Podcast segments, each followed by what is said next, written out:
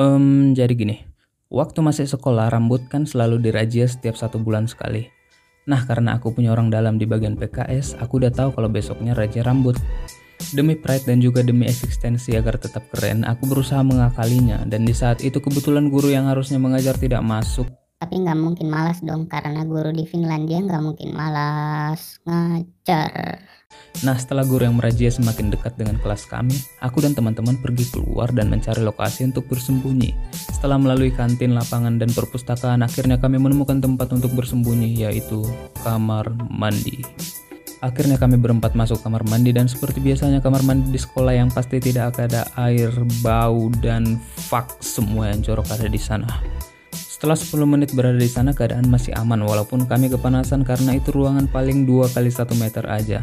Tapi yang tidak disangka-sangka akhirnya tiba. Ada temanku si anjing bang. Sat tapi di Instagram semua cewek-cewek mendekat. So susi, ah, ah, ah, yeah.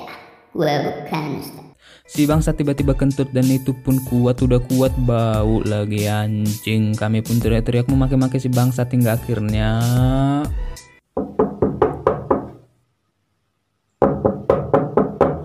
Siapa pun yang ada di dalam keluar, dasar anak goblok, tolol, sana ke BK. Akhirnya singkat cerita kami dipangkas di BK sekaligus disuruh membersihkan laboratorium hanya karena si bangsa satu itu kentut. Oke lah kami dipangkas, tapi yang bersihkan lab harusnya dia doang kan. Setelahnya aku pulang ke rumah dengan rambut gaya tangga, tapi walaupun gitu rambutku masih ada harapan untuk dipotong rapi, setidaknya nggak botak. Setelah makan aku pun pergi ke tukang pangkas. Mak, bagi uang mau pangkas. Nih, pangkas yang rapi. Dasar anak tolol dari kemarin dari bilang biar pangkas kau goblok. Iya, iya.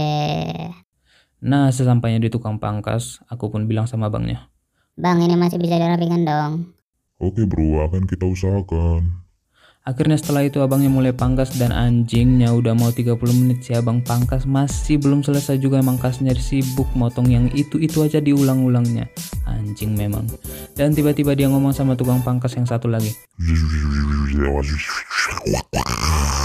Sampai akhirnya terjadi pertukaran tukang pangkas anjing bisa-bisanya transfer pemain. Akhirnya abang satu lagi bilang bahwa yang tadi itu tukang pangkas yang baru dan juga baru latihan. Dan karena rambutku udah terlalu pendek dipotong oleh yang sebelumnya si abang pun bilang. Bro ini kayaknya harus dibotakin deh. Lah jangan bang. Soalnya nggak bisa lagi ini udah terlalu pendek dipotongnya.